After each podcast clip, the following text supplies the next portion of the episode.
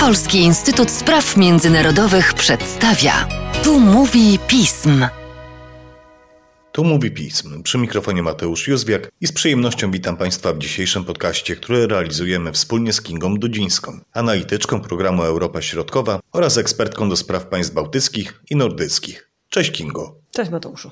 Spotykamy się dlatego, że w naszym bliskim sąsiedztwie na Litwie zdecydowano o otwarciu przedstawicielstwa Tajwanu w Wilnie. Kwestia jest o tyle ciekawa, że jest reakcją na poczucie zagrożenia ze strony Chińskiej Republiki Ludowej. Warto w tym dodać, że działania litewskie są wspierane przez Stany Zjednoczone. A więc Kingo, rozwijmy trochę ten temat. Dlaczego Litwa zgodziła się na otwarcie przedstawicielstwa Tajwanu?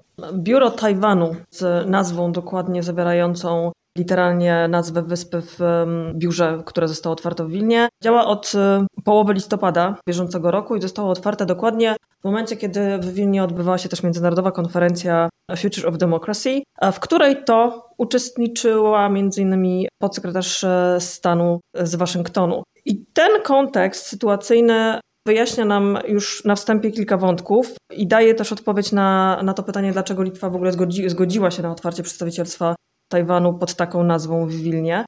A mianowicie wiąże się to z polityką litewską, jaka jest obecnie prowadzona przez rząd w Wilnie wobec Chin. A w tle mamy oczywiście bardzo istotny wątek relacji ze Stanami Zjednoczonymi, które są traktowane jako istotny partner, wręcz strategiczny dla Litwy pod kątem chociażby bezpieczeństwa. Jednocześnie zgoda na otwarcie tego biura Tajwanu w Wilnie pod taką nazwą to jest konsekwencja prowadzonej przez litewski rząd polityki wobec Chin i tutaj w tle z kolei mamy do czynienia z rozczarowaniem trochę Litwy co do skuteczności i, czy efektów funkcjonowania formatu 17 plus 1, z którego to Litwa w maju zdecydowała się wystąpić. Kingo, a jakie w takim razie rodzi to konsekwencje dla Litwy?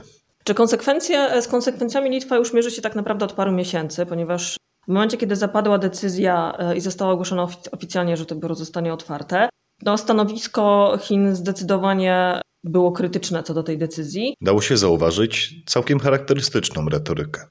Retorykę i to nie tylko, chociażby jest to bardzo dobry przykład, czyli media chińskie tak naprawdę w jakiś sposób zaczęły przedstawiać Litwę, zaczęły komentować politykę międzynarodową Litwy i tutaj chociażby kilka, kilka artykułów z Global Times, gdzie Litwa jest przedstawiana jako kraj, który łamie prawa e, człowieka, kraj, który jest na usługach niemalże Stanów Zjednoczonych i państwo, które podważa e, przede wszystkim e, politykę jednych Chin, dając możliwość funkcjonowania biura Tajwanu w Wilnie, nie pod nazwą, tak jak ma to miejsce w przypadku wszystkich innych biur, czyli przedstawicielstwa Tajpej, ale właśnie e, biura Tajwanu.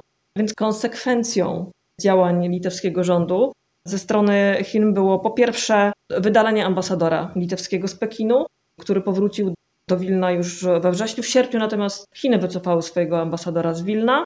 Po otwarciu biura bezpośrednio niemalże zapadła decyzja o obniżeniu poziomu stosunków dyplomatycznych między Litwą a Chinami. A w ostatnim tygodniu Chiny zdecydowały się na to, by obniżyć jakby status misji dyplomatycznej w Pekinie i dyplomaci litewscy zjechali e, w tym tygodniu e, na konsultacje do Wilna w tej sprawie, ponieważ jakby odpowiedź Litwy jest obecnie przygotowywana. Jaka jest w takim razie rola Stanów Zjednoczonych w polityce wobec Chin? Otóż e, podejściu Litwy do Chin sprzyja strategiczne partnerstwo ze Stanami Zjednoczonymi oraz wsparcie amerykańskiej administracji w tym zakresie. I litewskie działania zdecydowanie poparła w momencie otwarcia biura w listopadzie podsekretarz stanu USA Uzdrazeja, która uczestniczyła w wspomnianym wcześniej Forum Przyszłości Demokracji w Wilnie. Natomiast jeszcze w sierpniu bieżącego roku sekretarz stanu Antony Blinken potwierdził na spotkaniu z ministrem spraw zagranicznych Landsbergisem koordynację dwustronnych działań mających ewentualnie neutralizować presję ze strony Chin.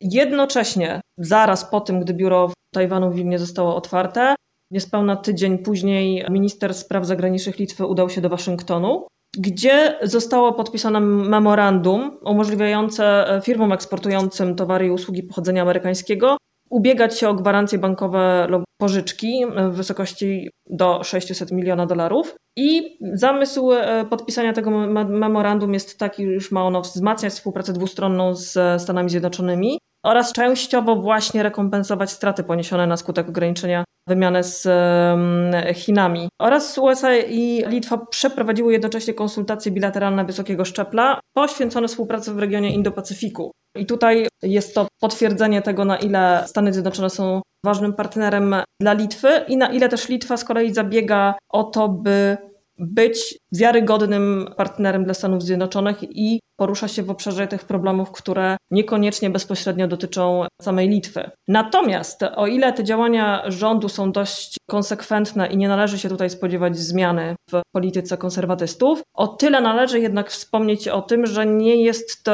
że decyzje obecnego rządu Litwy nie są krytykowane. Były kwestionowane przez opozycję na Litwie jako nad wyraz stanowcze postępowanie i niepotrzebne tak naprawdę zaostrzenie w relacjach litewsko-chińskich, ale jednocześnie też wedle ostatnich badań opinii publicznej okazuje się, że wcale też litewskie społeczeństwo nie jest tak jednoznaczne w tej ocenie i o ile z jednej strony około 34% Litwinów faktycznie popiera te ostatnie działania Litwy w relacji z Chinami, o tyle nieco ponad 40% wcale pozytywnie się o tych działaniach nie wypowiada. W związku z czym no jest tutaj pewien, pewien rozdziew i w debacie publicznej na Litwie też e, pojawiają się pytania o to, w jakim kierunku te relacje litewsko-chińskie będą zmierzały. Kingo, w takim razie w ramach podsumowania powiedz nam, jak w takim razie będą przebiegały w przyszłości relacje litewsko-chińskie? Czego się po nich spodziewać?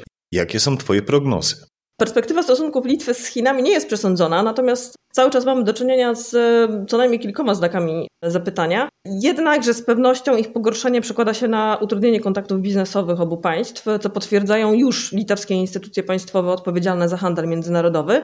Stratne prawdopodobnie będą przede wszystkim eksportujące do Chin litewski, e, firmy litewskiego przemysłu spożywczego, ale z kolei rząd zapowiada tutaj rekompensaty dla, dla tego sektora. Z drugiej strony spadną zapewne też inwestycje Chin w litewskie projekty energetyki odnawialnej. Dlatego należy się też spodziewać, że w wymiarze handlowym Litwini tym bardziej będą zabiegać o wsparcie Unii Europejskiej, na przykład w sytuacji, do jakiej doszło w ostatnim czasie, czyli w momencie, kiedy litewscy przedstawiciele handlowi zostali skreśleni z systemu celnego Chin.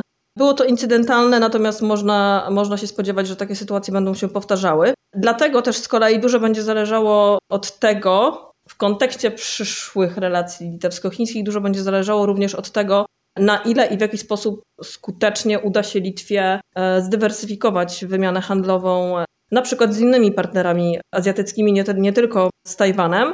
Wówczas też chińskie działania nie będą aż na tyle odczuwalne. Natomiast e, ważnym czynnikiem wpływającym na to, jak te relacje będą postępowały w najbliższym czasie, będzie też stanowisko samych Stanów Zjednoczonych. Natomiast w wymiarze bilateralnym zdecydowanie pogorszenie stosunków Litwy z Chinami przyłoży się na słabsze kontakty polityczne, do czego ewidentnie przyczyni się brak ambasadorów w placówkach e, dyplomatycznych. Szanowni Państwo, w takim razie przed Litwą otwierają się naprawdę interesujące możliwości, ale również bardzo ryzykowne wyzwania.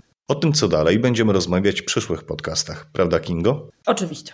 A tymczasem dziękuję Państwu za uwagę. Zachęcam do śledzenia naszej strony internetowej, czytania najnowszych biuletynów i komentarzy, śledzenia mediów społecznościowych i cóż, z racji tego, że to ostatni podcast w roku 2021, z mojej strony pozostaje mi życzyć wesołych świąt i szczęśliwego nowego roku. Do usłyszenia.